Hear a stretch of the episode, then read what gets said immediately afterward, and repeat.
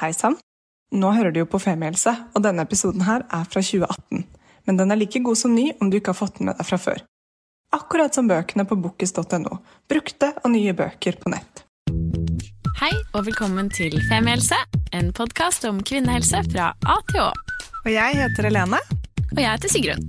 og vi har startet denne podkasten fordi vi mener at det bør snakkes mye mer om kvinnehelse. Så la oss snakke. Velkommen til en splitter ny episode av Femihelse. I dag skal vi snakke. Skal vi begynne på nytt? Nei, jeg ser på. I dag skal vi snakke om fødsel. Ja. Fordi i dag er det jo eh, forhåpentligvis, eller i hvert fall denne episoden slippes på nyttårsaften. Så da tenkte vi nytt år, nye muligheter, nytt liv. ja. Vi hopper i det. Men eh, denne episoden spilles jo faktisk inn i begynnelsen av desember, og i dag feirer vi eh, to ting. Eh, Det aller viktigste vi feirer, er at Sigrun har bursdag! Hurra! Jeg elsker bursdag! Ja, så vi har feiret bursdagen til Sigrun et halvt år nå. Ja. Det andre vi feirer, er at Femihelse sine programledere, altså meg og Sigrun, ble, hei, hei, ble tildelt Gullvaginaen Ja, fra San. fra San. Og det, hallo, det har vært skikkelig stort for oss. Ja, det var det skikkelig stort. Vi er så eh, takknemlige Mm. og stolte, egentlig. Ja. Så den gis jo da til eh, personer som de mener at er med å bidra til mindre tabu og åpenhet rundt eh, kvinnehelse. Mer Eh, åpenhet rundt mer kvinnehelse. Ja. Eh, så vi er skikkelig glad for det. Tusen takk. Ja. Um, og med oss uh, for å prate om fødsel i dag, har vi da med, selvfølgelig vil jeg nesten si, jordmor Siri. Velkommen. Tusen takk Velkommen for det. tilbake. Ja, velkommen Takk, takk. tilbake. Ja. Jeg må jo bare skyte inn ja, at, det- at det er jo sånn konkurranse hver nyttårsaften på hvem som føder babyen nærmest, altså tidligst i det nye året. Ja. Det er en landsomfattende konkurranse, så det er alltid veldig spennende. da. Nyttårsbarnet? Ja. Er det å få babyen eller foreldrene en premie? Nei, men du kommer i avisen. Ok, men det er jo ganske Og på. TV og Ja, det er veldig kult. Born to fame. Born to fame. Kunne vært deg, Sigrun, hvis du bare hadde klamra deg fast. 27 dager til. Ja. 28. Ja, det. Kan Jeg ikke vet. matte. Men eh, velkommen, Siri. Takk. Eh, kan ikke du bare si litt om deg selv, siden nå er det jo en stund siden sist? Jo, jeg er jordmor og har jo primært nettstedet Alt for mamma for gravide og fødende. Eh, Og småbarnsforeldre. Og så siden sist har jeg faktisk begynt å jobbe litt ekstravakter på Ahus på barsel. Oi, Så nå er jeg liksom midt i det ekte livet på en helt annen måte, og det er utrolig spennende. er det fint? Ja, det er kjempefint. Jeg møter så mange hyggelige mennesker. Både nyfødte babyer og nybakte foreldre og hyggelige Åh, folk Fordi å jobbe barsel er etter at barnet er født. Det er etterpå, vet du, Ja. så det skal vi ikke snakke om i dag. vi skal snakke om det som leder inn til barsel. Ja, det høres veldig hyggelig ut. Ja, for i dag skal vi snakke om fødsel. Ja. Og det vi faktisk tenkte å gjøre for oss, er å ta for oss eh, fødsel fra start til slutt. Ja. Vi skipper graviditeten. Ja. Den tar vi senere. Ja. Eh, så i dag tenkte vi rett og slett å begynne på litt sånn første rie, eller liksom det Ja, første skjer. jeg må si noe aller, aller først, da. Ja. Fordi at eh, nå lærte jeg av en veldig hyggelig jordmorstudent, Maja, i går, at, eh, at det er et paradigmeskifte i fødselsomsorgen. Oi. Og det vil si at det er noen sånn som meg som tror på det helt naturlige og tenker at dette går jo bra i de aller, aller fleste tilfellene. Og så er det de som tenker at en fødsel er en medisinsk eh, hendelse. Ja. Så en operasjon nesten, liksom. Ja. Eh, og jeg tenker jo da, eh, og det er vel for så vidt også liksom min undring etter å ha vært en drøy måned på barsel nå, det er jo det at når du ser etter ting som kan gå feil, så finner du jo det. Eh, Når du ikke ser etter det normale, så finner du heller ikke det normale. Så derfor så er det litt akkurat sånn Akkurat oppi hodet mitt nå så er det litt sånn ikke krøll, men jeg kjenner at jeg er veldig opptatt av det normale, og det er det jeg kommer til å ta utgangspunkt i. Eh, Og derfor så er liksom forberedelse til fødsel veldig viktig. Fordi at eh, det handler da om hva du ser etter. Og, og jeg tenker da at, eh, at vi er damer, og, og vi er laget for å bære frem barn, og vi er laget for å føde barn. Og det er ting som kan gjøres som kan gjøre det enklere, eh, men det er en del av livet. Og jeg syns jo vi er privilegerte som får lov å oppleve det. Eh, og det er også mye rundt det som heller er, også er veldig uforklarlig. Hva som starter fødselen, vet man ennå ikke. Så det er liksom, jeg tenker liksom bevare magien. Eh, og en av de magiske tingene er også for eksempel å ikke vite hvilket kjønn babyen har når den kommer. Jeg traff et lykkelig nybakt ungt par her som ikke visste det før babyen kom. Og så tenker jeg liksom sånn hvorfor kan vi ikke liksom bruke de tingene som er naturlige, og la oss glede, over det, glede oss over det, ikke liksom bare ha full stålkontroll på alt. For er det noe man ikke har kontroll på, så er det svangerskap, fødsel og det å ha barn. Ja, og det Sånn disclaimer. Sigrun og jeg har ikke barn. Så vi er virkelig liksom de som stiller de dumme spørsmålene. Vi har ikke, vi har ikke opplevd Det er selv. ingen spørsmål som er dumme. Nei, tusen takk, Siri. Og dette er jo, men, dette Ja. er vårt motto da. Vi Dette er, det er veldig vårt motto, men jeg vil bare si det at hvis vi nå virker helt sånn lost, så er det fordi vi ikke har vært igjennom dette i det hele tatt. Men for det syns jeg egentlig Eller jeg syns det var veldig fint det du sier der med at det er jo magisk. Det Mm. er spennende. Og em, i, er, jeg er jo da over 30, 33. Veldig veldig mange av mine venninner har fått barn. Og det jeg hører de sier til de andre gravide, er sånn ja, du kan ha en plan, du kan ha en såkalt fødselsplan, eller du kan ha en tanke om hva som skal skje. Også en kollega av oss som også akkurat fikk barn, og eh, hadde på en måte en tanke om å ha en fødselsplan, men det er bare sånn, men det går veldig fort ut av vinduet i det øyeblikket det setter i gang. Ja. Um, og da det kanskje kontrollbehovet kan være deilig for mange, for det kan jo kanskje sikkert Eller jeg kan tenke meg den dagen jeg skal føde at jeg kan være spent, spent, nervøs og ganske redd også. Mm. Og det du er mister helt jo kontrollen. Ja. Ja, du mister kontrollen. Uh, og det er greit, på en måte. Det er liksom vet jo hva man skal gjøre. Ja, altså kvinner som er lamme fra halsen og ned, føder helt fint helt av seg selv. Så Det er er fascinerende. Ja, det er, akkurat det er faktisk veldig fascinerende. Ok, vi får lage en egen episode om det. Men eh, En dag. Sånn at, at jeg tenker liksom at uh, det også da å forberede seg på, ja, det, det skjer masse som man kanskje ikke har full kontroll på, det er en av de gode tingene. Eh, for da, da blir du ikke redd, ikke sant. Og så har du en god jordmor sammen med deg hele veien under fødselen, som også forteller deg hva som er normalt, hva som ikke er normalt, eh, og, guider deg gjennom hele veien. Sånn at, eh, at det er ikke noe du gjør aleine. Og så tror jeg på en måte også det derre at man skal ikke underslå at man er litt på jobb. Du går liksom inn i det, og du er på jobb. Kroppen din jobber kjempemye. Og det er også sånn for den personen du har med deg i fødsel. Det er jo mange som tenker liksom at å, jeg kommer til å besvime, eller å, jeg tåler ikke å se blod, og jeg har hatt det sykehus og sånn. Men man er på jobb, altså.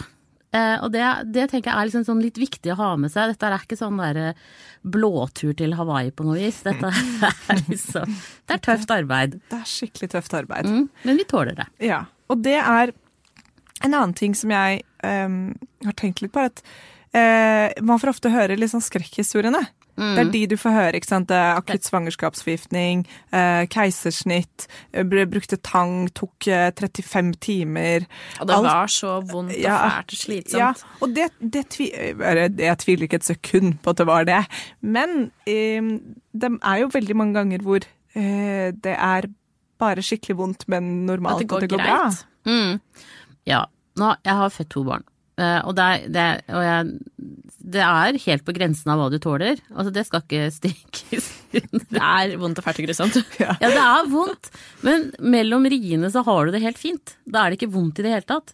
Eh, Sånn at eh, også det der også så får bygget seg opp, liksom, for da bygger du opp med endorfiner i kroppen. Du begynner, man begynner veldig sjelden knall på sånne harde, tøffe rier. Man begynner forsiktig. Og så blir de eh, Først så er de litt sånn Kan vi begynne fra start? Nå ble jeg veldig nysgjerrig. Ja. Kan vi ikke ta det fra start? Hva er det som skjer? Sorry, Ja. nå avbrøt jeg. Ja. Men nå bare følte jeg at vi hoppet midt inn i det. Ja. For hva Ja. er det første som skjer? Ja. Det første som skjer er eh, Det er litt avhengig av om du er førstegangsfødende eller flergangsfødende, men de aller fleste starter med rier. Eh, og så er det veldig få som starter rett på tøffe rier og regelmessige rier. De fleste har en del kynnere underveis som blir hardere og hardere. Gjennom i slutten av I svangerskapet. slutten av svangerskapet. Så noen opplever nok at de liksom de siste to ukene har ganske mye sånne plagsomme kynner og sånn. Men alt det er med på å modne deg til fødsel, og, og det er ikke farlig.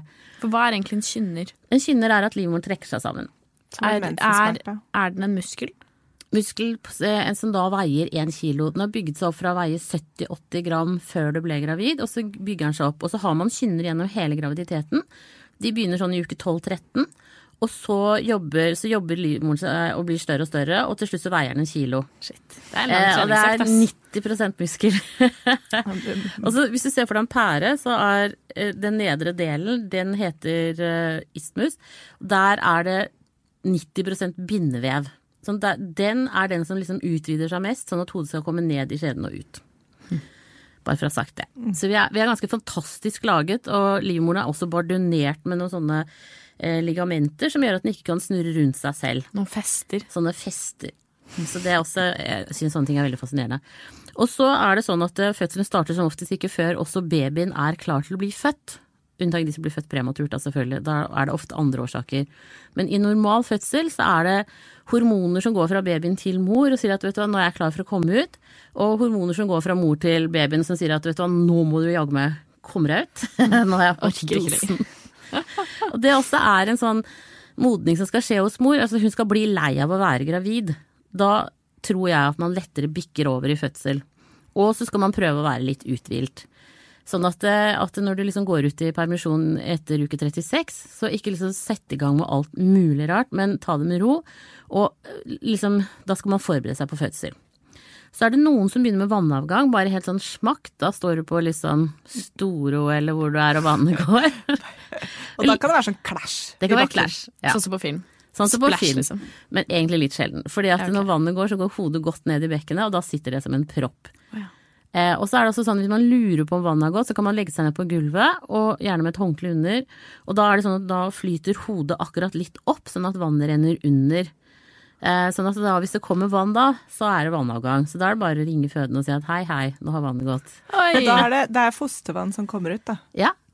Og det lages nytt hele tiden. Jeg har Aldri lurt på hva det var før akkurat nå. Nei, ikke det jeg lager, lages nytt hele tiden. Ja. Hvis det blir ikke tom, fordi nå ser jeg for meg en full ballong, vannballong på en måte, og så slipper vi ut litt og litt vann, og til slutt så er det bare en tørr baby der inne. ja. Nei, så tørr blir den ikke. Heldigvis. Bra. Så, så, så den lager nytt. Og så er det også sånn at eh, babyen renser fossvannet selv ved å drikke det og tisse det ut. Så den er et egentlig til filter. Og da får den trent nyrene sine og tarmsystemet og alt. Så det, det er viselig laget. Men så er det sånn at det varierer litt fra sykehus til sykehus, men hvis du da ikke starter med rier selv innen ett til tre døgn, noen sykehus vil da sette i gang etter ett døgn, mens andre sykehus venter tre døgn før de starter med stimulering. Så hvis man ikke starter med rier av seg selv, så blir man stimulert inn i fødsel til man Etter at får rier. gått. Etter at vannet har gått. Eh, og ellers så eh, er jo jeg da den oppfatningen at det skal, liksom, det skal være gode medisinske grunner til at du skal bli igangsatt for en fødsel. Eh, Alternativt man skal vente til det starter av seg selv. Og det er sånn nå at det er to uker før termin og to uker etter termin som det er normalt å føde i. Eh, Og det er bare 5% som føder på termindagen. Sånn at den, den kommer fort og går fort for mange, den altså. Ja, og det er jo så utrolig rart, fordi den termindagen, den er så viktig. Ja. Den er på en måte som eh, sluttstreket for et liksom ti ganger maraton, da. Og folk teller ned, og nå er det bare de dager, det er bare timer igjen til dette skjer. Så er det bare 5% stakkars, som treffer. Det skjedde ikke. Nei. Eller det har allerede skjedd. Ja. Ja, ikke sant. Så det, egentlig så er det, det er litt sånn flertallet føder litt før, mens eh, men det er fint lite flertall, det altså. Og så har vi da kommet til ride. Eh, Og da er det kynnerne som blir sterkere og sterkere, og så går de over i rier. Og en kynner kan vare i 10-15 minutter sånn i graviditeten, men, 10-15 minutter. Mm. Og det er kjempelenge. ja, men da kjenner man det ikke så godt, for den er ikke så hard. Det er bare sånn mild trening. Det er bare en stramming, liksom. Ja, men du kan kjenne på livmoren at den blir hard, liksom. Det kan man kjenne utenfor, utenfra. Og så blir riene liksom mer og mer konsentrerte og går ned i kanskje ja, 20 sekunder. Da begynner du å få gode rier. Eh, og da begynner det å være mer sånn kanskje 10-15 minutter imellom, og da kan du liksom begynne å tenke at hm, kanskje jeg skal ringe føden snart nå. Eh, og så når du kommer da Da er man i det som heter latensfasen, hvor man venter på at det liksom skal ta seg opp. Eh, og da er det mye sånne ting man kan gjøre sånn eh, Hvis vi skal snakke litt om det? Ja, ja. Ja, badekar, dusj, eh, god massasje. Er det da man gjør det? Da gjør man det i den latensfasen. Jeg har et spørsmål. Mm. Eh, Jeg har hørt om noe som heter slimpropp. Ja, Har den gått enda når vi er her? som oftest så har den det. Når den går den gå- før vannet går? Ja, den kan gå inntil seks uker før du egentlig føder. Hva er slimproppen for noe? Så det er ganske kjedelig sånn sett, da. Eh, Det er alle avfallsstoffene som eh, danner seg i, i, i, si, i mormunnen. For, og det lager en sånn propp for å tette for bakterier. Sånn at eh, den også, liksom sånn at den er tett. Men når du skal føde, så begynner jo mormunnen å åpne seg, og da detter den ut. Og den kan se litt sånn snørrete ut nesten. Være ganske seig. Og være sånn litt sånn gråaktig slim, men gjerne med litt sånn svarte striper i. Og noen ganger litt blod også, fordi at mormunnen åpner seg. Beklager om noen hører på dette til frokosten. Får meldinger sånn 'Hør på Femielse til frokost'. Ja, det kan Kast du angre kan du angre på nå. Det er ok, Tilbake til slimproppen, som det er som en stor snørrklump med litt sånn blod i. Ja, Ja, så den går jo da ofte over to-tre dager. Men da er den borte. ok. Noen ganger så går det når du føder også.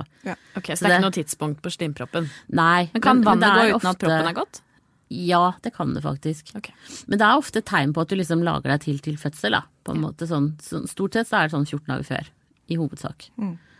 Men ikke bli skuffet liksom hvis det går enda lengre tid. Det er jo kanskje poenget.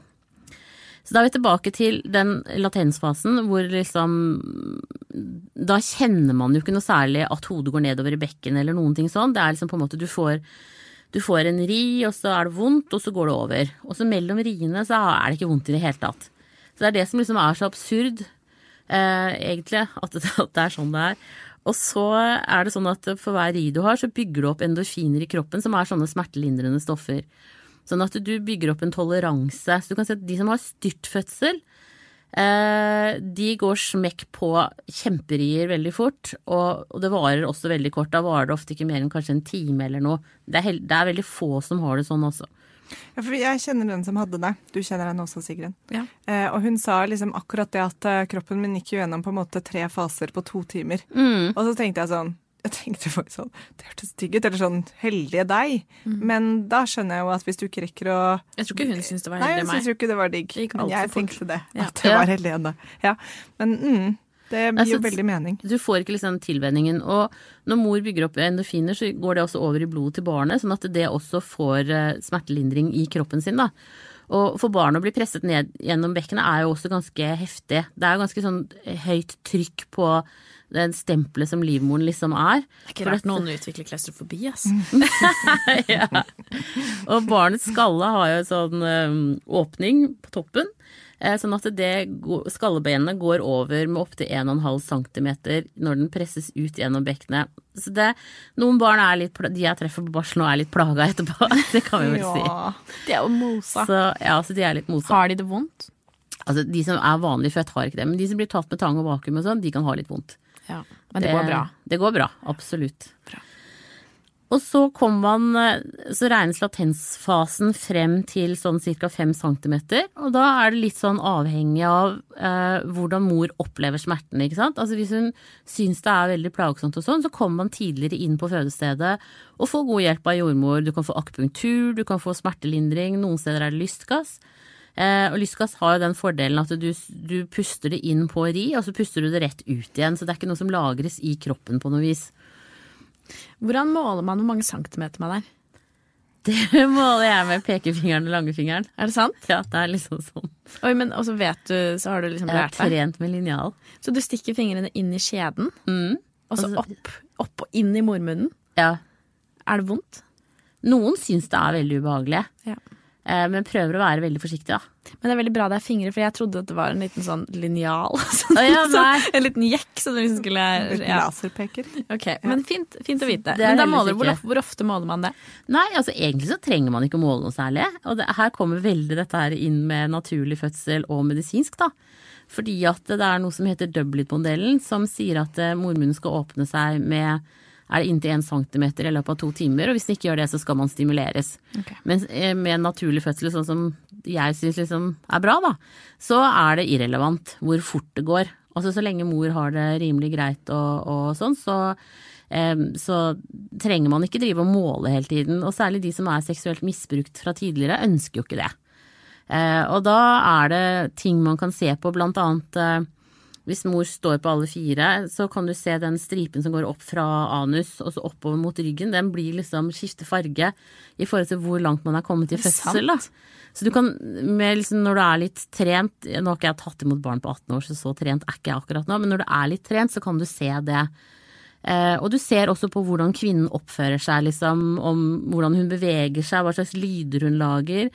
Eh, ansiktsfarge, uttrykk, altså sånn. Så kan man ofte se litt hvor langt de har kommet. Sånn at, det- at det er liksom det er, Mange tegn, da. ja, det er mange tegn, og det er flere måter å gjøre det på. Noen syns liksom at man skal eh, kjenne etter støtt og stadig, og da du øker jo egentlig infeksjonsfaren jo mer du undersøker. Så derfor så er det en fordel å ikke undersøke for mye. Men sånn, kanskje det jeg var opplært til, var at hvis du liksom lurer på hva er det som egentlig skjer nå, står hodet til barnet litt skjevt i bekkenet, sånn at ikke det glir like fint ned som det skulle, ligger nesa frem, eller ligger den bak, eller liksom Sånne ting kan være greit å vite. Men det er vi jordmødre trent til å kunne gjøre, så det fikser vi underveis. Mm. Det er godt å høre. Bra. Ok, ja. Fem okay. centimeter åpning. Ja, og da begynner jo folk å ha behov for smertelindring. Og så er det jo litt varierende. Det som er jo blitt veldig populært de siste årene, det er jo epidural. Eh, og nå kommer jeg til å få tyn for dette her, men jeg syns ikke man skal bruke epidural med mindre man må. Fordi at det kan eh, hindre fødselen. Altså de fleste får jo et fall i riene og må stimuleres fordi at eh, riene ikke er så gode lenger. Og du øker også sjansen for tang og vakuum og keisersnitt eh, ganske mye, med mellom 30 og 40% Sånn at eh, det med epidural er Jeg tenker liksom de som på en måte Altså Det er en av de tingene du ikke burde bestemme deg for på forhånd, da, men ta underveis. At hvis du har liksom behov for det, så ja, selvfølgelig skal du få det. Men innstillingen din, utgangspunktet ditt, burde være at vet du hva, dette er egentlig skapt for den smerten som jeg får under fødselen, den skal jeg tåle. Og den skal man jobbe seg gjennom, og du skal få god hjelp til å jobbe deg gjennom den. Eh, men så epidural er da rundt sånn 6-7 cm ofte at man får det. Mm. og da får man Da er du nesten ferdig utvidet, da. Ja. Men kan jeg si, Egentlig. fordi jeg har veldig sånn forskjellig fra venninnene mine om de har tatt eller ikke. Og så var det en som hadde vært, eh, holdt på sykt lenge, og det bare sto i stampe, stampe, stampe. Ja. Og til slutt, sånn etter altså, mange, mange, mange, mange, mange timer, Ja. så tok hun det. Og da var Fødte det du med en gang. Ja. Ja. Så det kan jo være for noen at man trenger en sånn siste avslapning, eller jeg vet ja, ikke. for da slapper du helt av i kroppen. Ja. For det gjør man med epidural. Så for noen så, så er liksom akkurat den siste, kan, kan det være lurt. Men da går det også an å få noe som heter pudendalblokade, hvor man går inn i skjeden og så bedøver man skjedebunnen, da. Men du bedøver ikke liksom fra navlen og ned. Eh, Det også er en, en bedøvelsesform som man kan få. Da også kan du for så vidt få fall i rier og må, måtte ha stimulering, men det er en mye kortere forløp, da. Og så ha, ja. Et spørsmål til om epidural hilsen igjen med tramp stamp. Er det sånn at hvis du har da den eh, tatoveringen på korsryggen at man ikke kan få det? Nei, Eller det er det er en ikke sånn lenger. Nei. Jeg har alltid Så- lurt på hvorfor ikke. De det kan har jo bare jeg aldri hørt om. Jo, det Jo, for du kan ta at du får liksom det blekket inn i epiduralbanen. Men kan man bare ta epidural på ett sted? Eh, Nei, egentlig ikke, men stort sett så prøver man det. Altså sånn at du ikke Altså du skal bedøves lengst mulig ned, da. ja, Disclaimer, jeg har ikke en sånn svær tribal Du har jo en rabbit på Nei. Jeg er en tynn strekfigur, så det bør eh, eventuelt Ja. gå bra. Ok, Ja. takk. Jeg vil bare høre den gamle myten stemte eller ikke. Ja, nei, så, så det, jeg tror ikke Jeg har liksom hørt det at det, det er flere leger som setter det allikevel, at det ikke det er så farlig. Fint å vite. Da Ja. var vi på nesten 6-7 cm åpning. Ja, Ja. Når noen kanskje får epidural. Mm. Og så er det jo veldig viktig ikke sant, det der å kunne være i bevegelse, syns jeg, da, i fødsel. At du, er, at du beveger deg, ikke sant? for da går hodet ned i bekkenet. Eh, at man kan stå på forskjellige måter, og jordmora kan fortelle deg liksom hva som er lurt å gjøre. Og så har de også begynt med noe som heter spinning baby nå. Som er at Hva er det for noe? Høres avansert ut. Ja, det er rett og slett kommer fra Australia, og det er at de tar et eh, skikkelig sjal da, som ikke er elastisk. Og så tar de det liksom rundt mors mage, og så opp La oss si mor står på alle fire på gulvet, da, eller i senga. Og så står jordmora over, og så drar eh, vet ikke hvordan man skal, Akkurat som du drar i en klokke i en kirke. altså sånn Ja. at du får, du, får, du får masse bevegelse på livmoren, da. Eh, Ja, en slags liten massasje, på en måte. da. Ja, eller altså, da lirker babyen seg ned Ja, i Du bekkenet. gnikker den ned, på en måte. Du knikker ned. Ja, det syns jeg er helt greit å si. Shit. Ja, fordi liksom, man har ikke ligget i sengen i alle disse fasene. Nei, de fleste blir ganske rastløse og har behov for å gå rundt og, og sånn. Sånn at, eh, eller ligge på alle fire over en saccosekk kan man gjøre, og men det å, trø og gå litt er liksom veldig anbefales eh, å anbefale. Og da kan man også gå med sånn prekestol, sånn at du kan liksom på en måte holde deg fast, lene deg over noe. Um, hvis du skal lene deg over kjæresten din, så kan det bli litt Noen kan få litt dårlig rygg. Og blir liksom lei av den nærheten.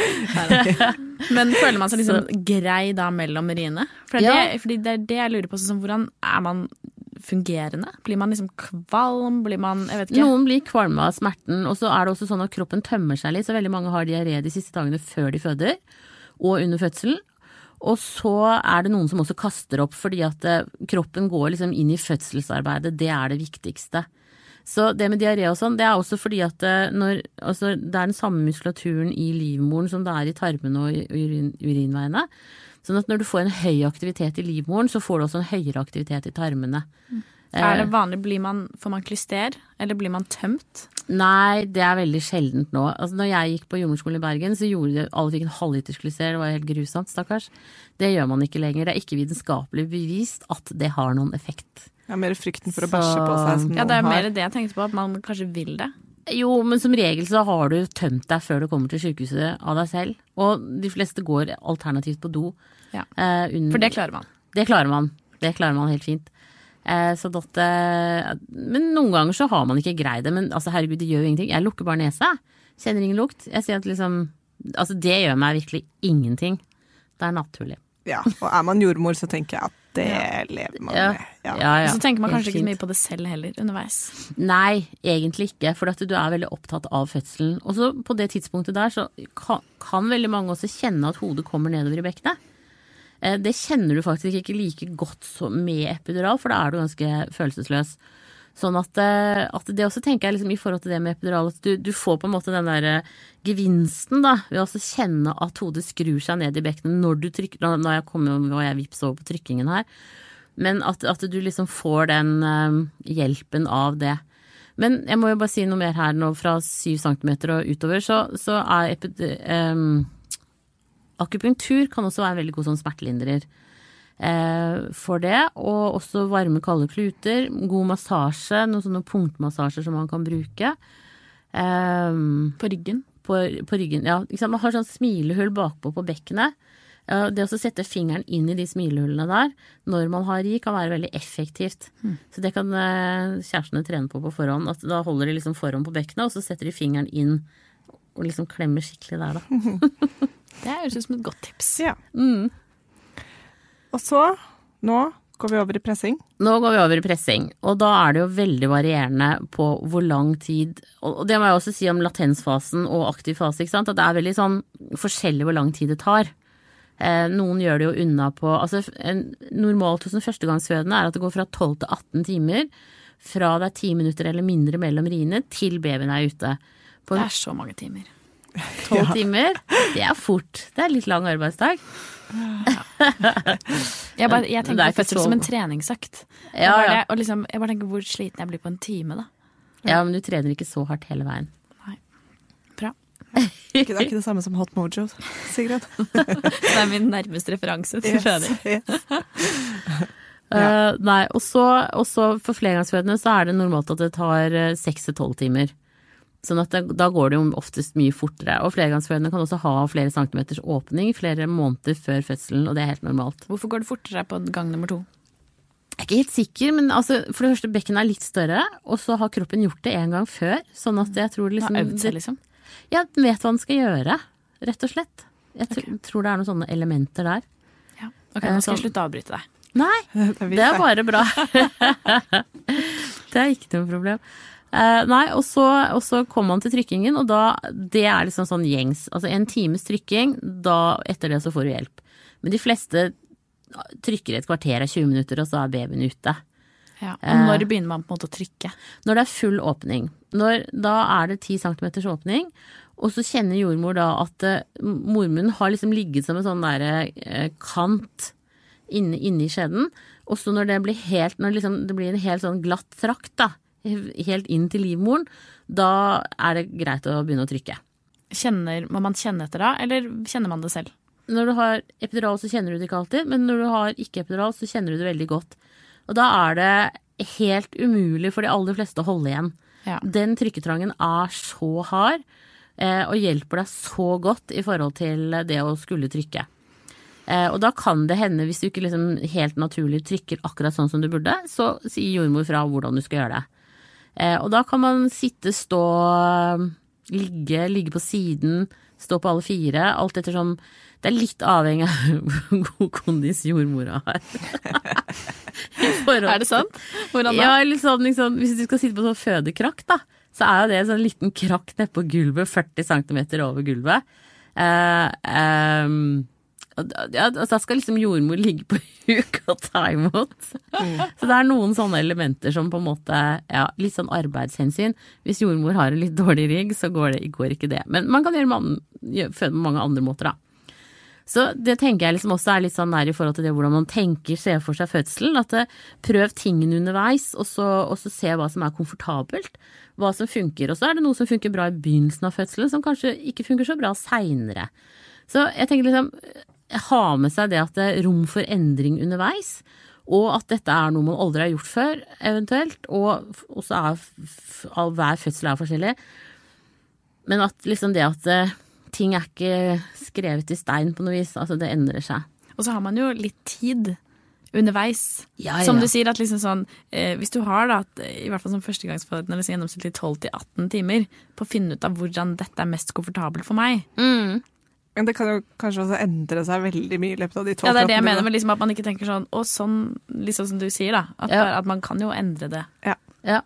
Og så er jo, altså som ABC, disse, lav, disse jordmordrevne enhetene, de har jo den filosofien at hvis du, har, hvis du går til en jordmor der i graviditeten, så er det hun som Da har du truffet en av de som tar imot i fødselen.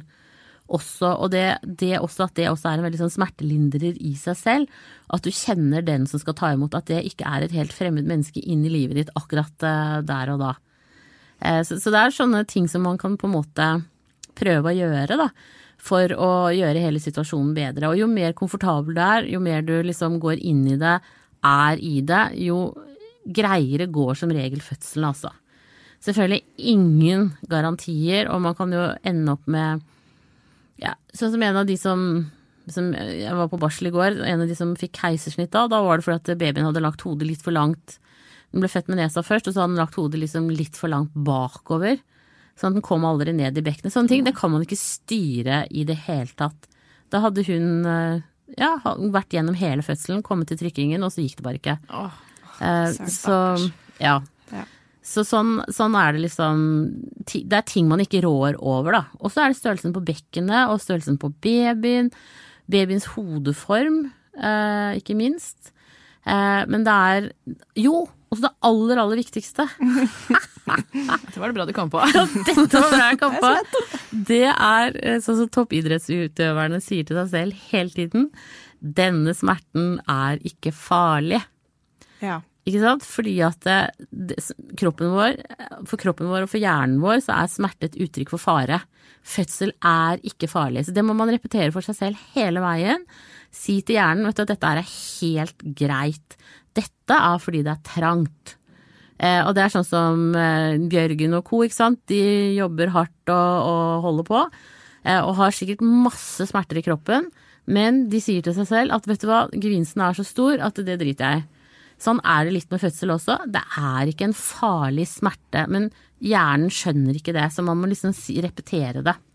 Nå tenker jeg jo også at de du har rundt deg, er fagfolk som, som ser og forstår hvis det er noe farlig. Jo, men du har en sånn indre dialog med deg Ja, selv. du må bare Ja ja, de sier jo fra hvis det er noe hvis farlig. det er noe farlig. Ja ja. Så du kan, hvis man har det som dialog med seg selv, at dette er ikke farlig, dette er naturlig, dette bare, skal, dette bare gjør veldig vondt. Mm. Akkurat som å jogge litt for langt, eller hva det skulle være.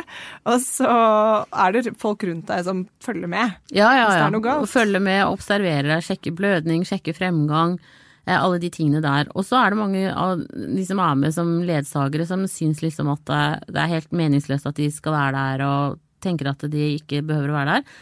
Men det er tull, for det er en av de beste smertelindrene. Det er å ha med seg en god venn eller en kjæreste eller hva det måtte være, eh, på denne jobben. Det er også helt essensielt. At det altså. er teamarbeid. Det er et teamarbeid.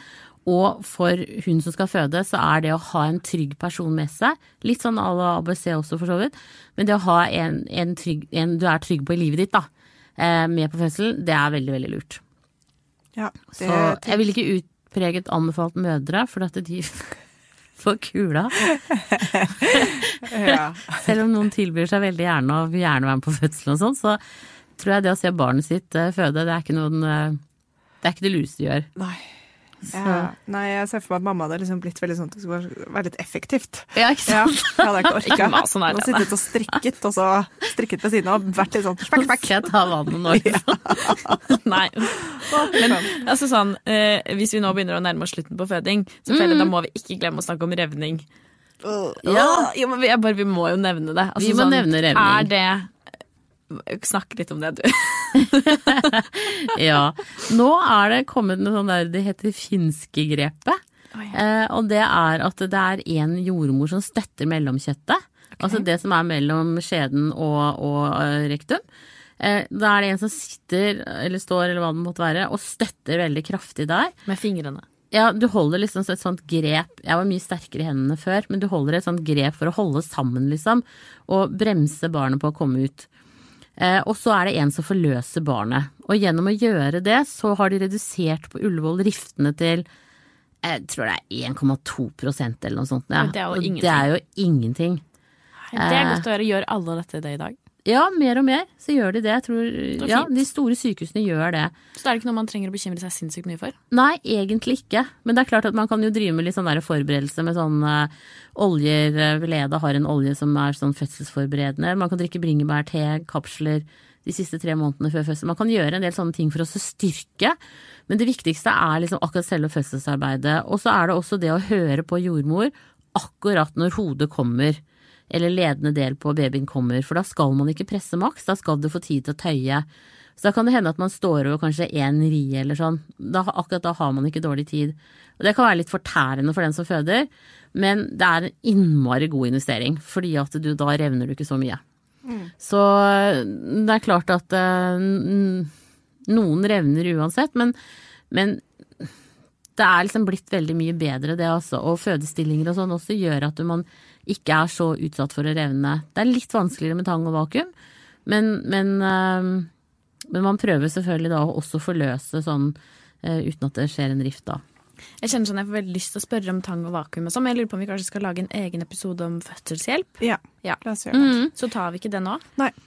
Men um, Og så er babyen ute. Ja, og da er det veldig viktig Da kan man jo ha avtalt på forhånd f.eks. For at den som er ledsager skal klippe over navlesnoren, eller man kan gjøre det selv. Alt ettersom.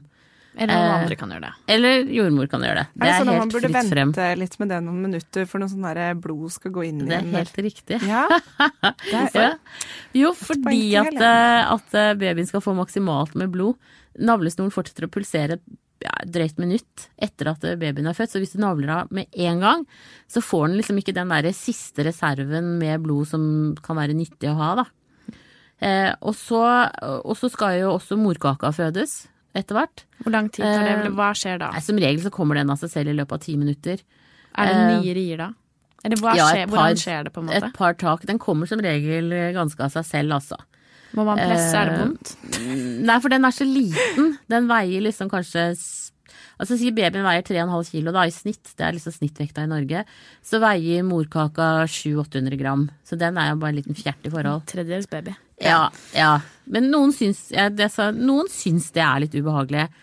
Men det som er veldig viktig, det er liksom Altså morkaka dekker en flate på skal vi si 30 cm i diameter. Eh, og der er det masse blodkar mellom livmoren, altså som går gjennom livmoren og til mor. Eh, i, I den morkaka. Eh, sånn at det er veldig viktig at den løsner ordentlig og kommer ordentlig ut, sånn at livmoren får trukket seg ordentlig sammen etter fødselen relativt raskt. Sånn at eh, man sier liksom maks en time før den kommer. Eh, og helst litt raskere enn det også, for at eh, alternativet er at man, står og blør litt. Og sånn, hvis ikke morkaka kommer ordentlig ut, så kan, da kan du fort blø relativt mye raskt. Det er ikke noen artig komplikasjon. Det skjer heldigvis veldig sjelden. Men da, da har man gode råd. Da tar jordmora og holder rundt livmoren og klemmer den sammen istedenfor uh, fra utsiden, da. Eh, nå det var var vi over i komplikasjoner her. Ja, men det går som regel veldig bra. Ok, fint. Kult. Men den kommer ut. Den kommer ut. Og så får man da babyen opp på um, maven. Og så har babyen en sånn søkerefleks, sånn at den, de kaller det å, å hakke. Ser ut som en liten hakkespett. Men liksom, eh, de fleste babyene greier helt fint å løfte hodet og søker seg da frem til mors bryst. Eh, og det er derfor det at man er mørk rundt brystvorten, for at da ser babyen den bedre. Eh, så det er både liksom syn og lukt som babyen da bruker. Og når da babyen hekter seg på hos mor, så frigjøres det oksytocin, som gjør at livmoren trekker seg sammen enda bedre. Det er også en av de der eh, fantastiske tingene, pluss at eh, babyen har en sånn refleks under føttene. Sånn at du kan tenke deg at liksom, når, når babyen er født, så, så er jo maven helt sånn bolledeigmyk.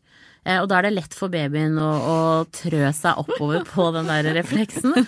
og du, du kan se på YouTube, det er helt vilt å se på sånne babyer som da kravler seg frem til puppen helt av seg selv. Oi. De bruker kanskje 20 minutter og en halvtime på det, men de greier det. Det er kult. Så selv om mor da hadde vært besvimt eller hva som og vært alene, så ville faktisk den babyen på en måte altså funnet frem selv. Shit, det er Hakket seg til brystet. Ja, Ja. og det tenker jeg at det- det er så viktig også det i forhold til fødsel og graviditet og de tingene der. Det dyriske. Altså vi har masse instinkter. Vi er ekstremt hormondrevne. Eh, og jeg tenker stol på deg sjøl. Stol på gut-feelingen din. Eh, og når du kommer på føden, spør om alt, altså. Det er så mye bedre å vite enn å sitte og lure og tenke at man er dum eller sånne ting. Man trenger all den positiviteten man kan få. Eh, og derfor så spør om alt. Og vil du lage lyd når du føder, så gjør du det. Det er også helt lov. Det er ikke noe problem. Veldig fin uh, avslutning. rett og Ja, med spør, spør, spør. Eh, ja, jeg kommer sikkert til å gjøre det hvis jeg havner i den situasjonen. You don't say. skal vi prøve å oppsummere litt? Ja. Ja, Vi å podkaste live fra fødselen til Lene. ok. Uh, første som skjer. Først er man gravid. Ja. Lenge. Og så uh, går vannet. Eller Ja, slimproppen. Eller, eller, eller riene kommer. Eller Rine kommer. Ok, Én av tre ting. Eller alt samtidig skjer. Slimproppen er liksom ikke egentlig starten på Ok, fødsel. da dropp, vi glemmer slimproppen. Vannet eller Rine begynner. Ja. Og så Og så er det rienes eh, intensitet som avhenger liksom av når du bikker over i aktiv fødsel. Rett og slett. Men, eh, Men da går du gjennom tre faser. det har latensfasen, og så er det aktiv fase, og så er det utrivningsfasen. Ok. Og på førstegangsfødende så tar det gjennomsnittlig 12-18 timer. Ja. Og andregangsfødende er det 6-12. Mm. Fra det er ti minutter eller mindre mellom riene. Ja, ikke sant? Ja, ok. viktig. Og så vet man aldri egentlig. Nei, nei. Og vi er veldig forskjellige. Og så stol på kroppen. Ja. Den vet egentlig hvordan skal det, den skal gjøre dette her. Mm. Og hvis det ikke går som det skal, så er det masse flinke folk rundt deg som ser det, Mm. og som kan ta grep. Absolutt. Spør. Ja. Og ja, er det noe jeg har glemt? Jeg syns det var godt oppsummert, jeg. Ja. Det føles, det plutselig veldig enkelt ut. Smakk, smakk, smakk. Og så har du en baby som bare klatrer oppover magen din og hekter seg på puppen. Hakkespett baby. Ja, Kult. men bra. Eh, Strålende. Jeg, jeg føler meg på en måte litt klokere på en måte eh, Det er nesten sånn at du får lyst til å føde, ikke sant? Ja, Ja, eller jeg ja, men, Jeg tuller faktisk ikke, for jeg, satt, jeg sitter sånn, så kjenner jeg på min egen kropp, så blir jeg sånn åh! Ja. Ja. Jo, men det, er det er jo dritkult hva kroppen kan gjøre. Og så blir man bare sånn Det jeg syns er fascinerende, er liksom at den gjør alt dette her av seg sjæl. Ja. Jeg får så lyst til å sjekke hvordan jeg gjør det. Ja, jeg for jeg det. tenker at jeg er sånn megabra føder. Ja, ja. Og så kommer jeg bare øh, epidural etter ti minutter og kaster opp, ja. kaster opp kanskje på meg. 30 Ja. timer senere med tang, så Ja. der, ja. Men uh, dette var jo en litt sånn del én av det vi må snakke, eller kommer til å snakke mer om. Graviditet, fødsel, barn. Det er en stor del av kvinnehelse, Mm, og det å være kvinne. Absolutt, Ja. Vi har ikke begynt helt med det ennå, men hang in there, alle dere som lurer på det. Fordi det kommer litt dryppevis og stykkevis og delt. ja. Sigrun og jeg må bare modnes litt. Ja, vi var sånn som mormunnen. Så uh, tusen takk for at du hørte på. Ja. Tusen takk til deg, Siri, for at du var her og guidet oss gjennom denne dramatiske reisen. eh, vi snakkes. Ja, vi snakkes. Ha det, dere. Ha det!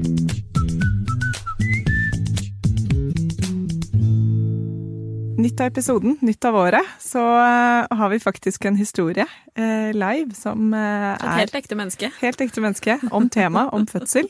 I og med at Sigrun og jeg kan dele null nada om opplevelsen, så har vi fått inn eh, vår lydtekniker Charlotte.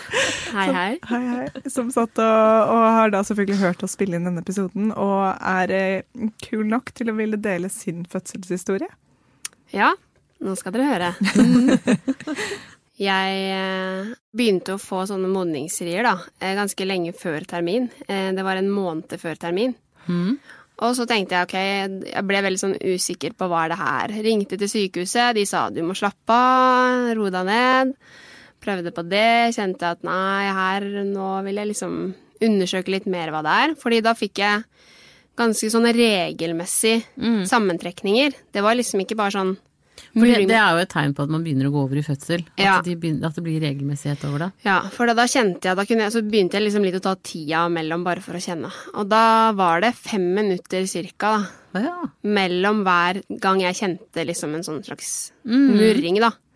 Og i og med at det da var en måned før termin, så ville de ha meg inn på sykehuset. Eh, så jeg var der da til observasjon, eh, og da kom det jo fram til at her er det, det er ikke bare modningsrier, det skjer noe, liksom, men vi håper på at det her går over.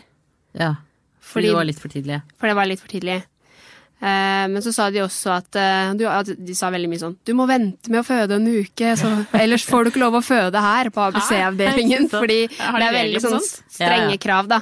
Du må være i uke 37. Mm. Eller innenfor den der De fire ukene, på en måte. Ja. Ja. Ja.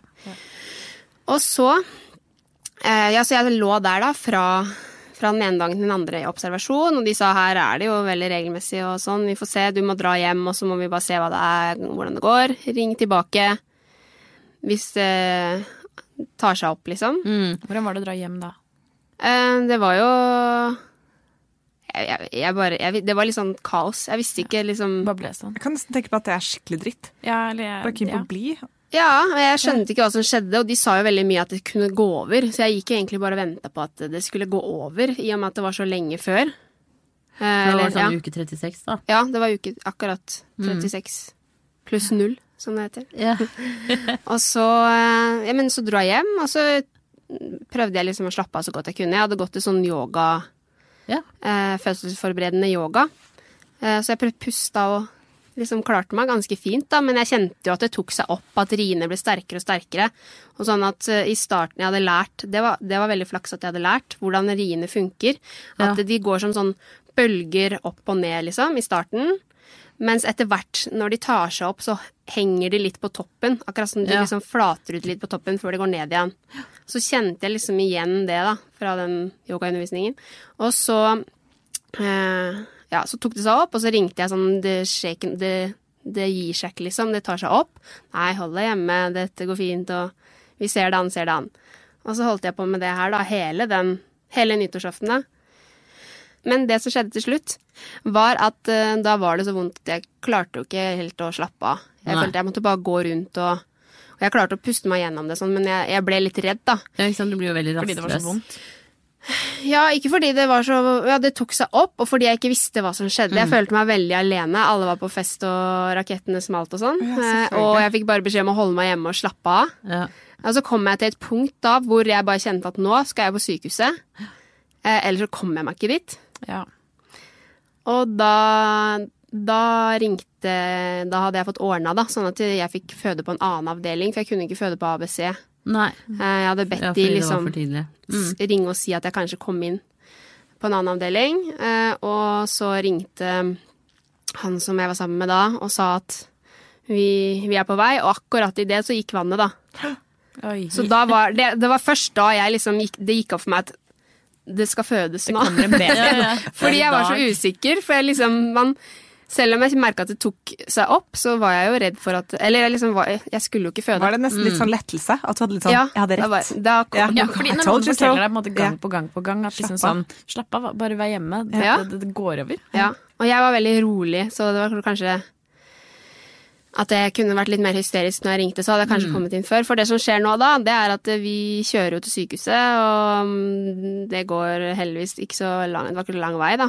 Ehm, men må, da må jeg ta masse sånn pauser og sånn underveis på vei inn til fødeavdelingen. Og så visste jeg jo ikke hvordan, for var, da var det ganske heftig. Og jeg tenkte sånn på veien så tenkte jeg sånn Nå skal jeg ha alt av smertestillende som jeg kan få, liksom. Fordi det var så dritvondt. Og jeg, jeg så for meg at vi kom inn der, og de sa du har to centimeter. Men eh, ja, og på vei inn så måtte jeg liksom støtte meg sånn, så gjorde jeg som de hadde sett på film. Jeg liksom holdt meg oppe til veggen og pusta, for det var liksom Jeg, jeg visste ikke hvordan det Men så kom jeg inn, og så hadde de ikke noe informasjon på meg der, så de skulle skrives inn og sånn. Og så ba de meg ta en urinprøve for å sjekke. Gikk inn på toalettet. Ikke mulig å ta noe urinprøve. Alt hadde stoppa. Jeg kjente at her skjer det greier. Eh, Så jeg gikk ut, og jeg sa 'det kommer et barn'. Ja, det hadde full åpning, det. Ja. Jeg så ble jeg lagt ned på nærmeste rom på en benk, og de bare 'oi, her er hodet'. Hæ? Er det sant? Ja. Og så øh, skjedde ting liksom fort. De fant en seng med hjul, og hun ene pleieren sa sånn rekkvidde, rekkvidde, og de løp med meg i gangen og Oi. opp i heis og inn på føden, da. Samboeren din var halset etter. Ja, han halsa etter, og så kom jeg inn, øh, og da var det også sånn, da hadde jeg så heftige rier øh, at øh, Men da, da, da sovnet jeg mellom hver ri, Hæ? fordi da var jeg sånn utslitt. Så jeg skulle liksom du slappet av, ikke sant? For da var du liksom i sikkerhet. Ja, av den, eh, av den senga som de rulla meg på, da, altså opp på den senga på fødestua. Så måtte jeg liksom bare hvile meg litt først, og så gikk jeg over der. Og så sjekka de meg sånn. Og så sa hun bare ja, da kan du presse på neste. ja. Er det sant? ja, det var helt vilt. Ja. Men følte du deg da på en måte klar? Eh, Eller var du fortsatt da i modus sånn nå skal jeg få smertestillende'? Nei, nei, men da, men da fikk jeg helt sånn sjokk, bare. Da tenkte jeg bare hva, hva skjer nå, liksom? Og så mm, Men det Da bare gjorde jeg som de sa, på en måte. Ja. Prøvde å presse og kobla helt ut. Jeg bare overlot alt ansvaret til alle andre. Uh, og jeg følte meg liksom veldig trygg der og sånn. Og så hadde jeg vel fem rier, og så, pluss, så satt jeg der med baby. Fy fader. Jeg følte meg, Det var helt sjokk, da. Ja, det For jeg sjokk. Var du klar? Nei, overhodet ikke. Jeg, jeg følte jeg måtte si sånn Å, dette var fantastisk. og jeg er blitt mor. Så jeg sa det litt sånn Å, jeg tror Jeg er i sjokk. Jeg bare, det bare var så vilt. Ja. Og jeg følte liksom jeg var så, For det første så var jeg liksom Det var så kort siden det faktisk hadde gått opp for meg at nå skal det fødes. Mm. Uh, til at jeg satt, liksom lå der med en baby. Ja. Jeg følte meg helt sånn Og jeg hadde brukt så mye tid på forhånd på Mm. å liksom mentalt forberede meg på å ikke være redd og bare Altså, det greide du jo liksom. veldig bra, da. Ja, det gikk Altså, jo veldig du bra. har jo på en måte, du har jo, altså Nøkternt sett, sånn hvis, hvis man bare tenker deg og din kropp, så har du hatt en drømmefødsel. Ja, Det som, det som har vært forstyrrende, er jo det der frem og tilbake. Uh, men, men så tenker jeg også sånn i forhold til det der at du, at du fikk et sjokk, da. Så jeg, jeg har tatt imot over 700 barn, og jeg tenker liksom fortsatt hvor kommer disse barna egentlig fra? Altså det er, det er en sånn der logisk brist. Jeg vet at de kommer innenfra de mavene. Når de kommer ut og er helt seg selv, og du ser at det er et eget lite menneske, så, så er det liksom sånn eh, Jeg tenker fortsatt sånn når jeg tasser rundt på barsel også, sånn wow. Hvor, hvor, hvem er du? Hvor kom du fra? Skal, liksom, hva slags liv Ja. får du? Altså sånn, Ja. Så jeg tenker at eh, ja, den følelsen tror jeg du kanskje kommer til å oppleve neste gang også, hvis du skal ha flere barn. Og selv om fødsel da går liksom litt mer sånn at de ikke bare kaster deg hjem hele tiden. ja. Eh, Så tenker jeg liksom at den undringen, den opplevelsen av det, det tror jeg kommer til å være der. ja. eh, Faktisk uansett. Jeg Ja. tror, al- Men så, også det man liksom underslår, det burde jeg også sagt litt om i den episoden, det er jo det at det er et helt eget individ. Eh, og når du får nye venner, det tar litt tid å, å bli kjent med nye mennesker. Og sånn er det med et barn også, selv om du faktisk har laget det selv. Så er det et eget menneske, det er et eget individ, og man må bli kjent. Så den der instant morsfølelsen, den tror jeg nesten ingen har. Altså det er sånn type film. Eh, hvor de liksom gråter og altså, sånn, altså mange gråter når de får barn, men, men det at du på en måte elsker det nurket fra første stund, det gjør man ikke Nei, for det husker jeg jeg kjente liksom på at jeg følte at oi, her er det ikke Det var ikke akkurat Oi. Kjempebra å bli mor. liksom. Ja, ikke sant? Og men jeg tenkte også, liksom, for det under hele Jeg hadde ikke noe forhold så veldig til eh, det babyen under graviditeten, liksom. Men så når han kom ut, så tenkte jeg litt sånn Når ting hadde roa seg, da. Ja. Og hadde jeg visst at det var han som Ja. var der hele tiden, da hadde jeg liksom kost meg mye mer med å være gravid og sånn sikkert òg. Ja. Men uh, det var veldig rart. Det var sånn sjokk. Ja, det er en fin tanke at uh, ja, hadde du visst at det var han? Mm. Fordi det blir jo plutselig veldig tydelig at å, der er han, ja, barnet mitt. Det var det jeg ventet på. Ja, det Ja. var du som var inni der, ja. Ja. Lille menneske. Mm. Altså, jeg tenker, det, er, det, er, er flere faktorer, um, tenker jeg, med den fødselen din. Altså, nøkternt sett så er du jo skapt for å føde. Eh, Sånn fysisk, hvis Ja. jeg kan si det sånn. Men det følte jeg sånn veldig. Jeg følte meg jo sånn superkvinne etter det her, da. Ja, Med tanke på at jeg had, da har jeg egentlig kommet meg gjennom hele fødselen, faktisk. Alene hjemme. ja. Bare ved at jeg prøvde å slappe av og puste, rett og slett. Ja. Jeg tenker den der yogaen du gikk med, må jo også ha vært veldig bra i forhold til at du da kjente igjen riene og, Mm. og, og hva som var hva. At når de liksom blir lengre på toppene, så er de faktisk Da begynner det å bli veldig gode rier. Ja. Så, så, så jeg tenker sånn men jeg, men jeg kan forstå at du på en måte ja, At det har vært en litt sånn blanda opplevelse, eh, kanskje, da. Fordi at du liksom ble sendt hjem og ja, jeg tror det på var det. kryss og tvers, og de liksom ikke helt eh, Jeg vet ikke om du opplevde at de ikke, kanskje ikke trodde på deg? Ja, det, kan, det var det. At jeg ble så redd liksom på, helt på slutten når jeg var hjemme, da. Mm. At uh, jeg tenkte at ok, nå er jeg helt alene i hele verden, og det kommer et Altså, jeg driver og føder. Eller hva driver bare jeg med, begynne å koke liksom? håndklærne, liksom, fordi dette må jeg gjøre sjæl. Ja, men det var jo sånn Men jeg fikk Det var, no, det var rart, da, at kroppen på en måte på et tidspunkt bare Eller instinktet eller magefølelsen bare sa nå. Drar du på sykehuset? Ja. Eller så kommer du deg ikke. Jeg husker det var så sterk følelse, da. Ja. Så at, eh, fordi da hadde jeg jo egentlig burde dratt på sykehuset for dritlenge siden. Ja. Og jeg kom jo på sykehuset sånn typ 20 minutter etter jeg kom dit. Inn døra så hadde jeg et barn i armene, liksom. Ja.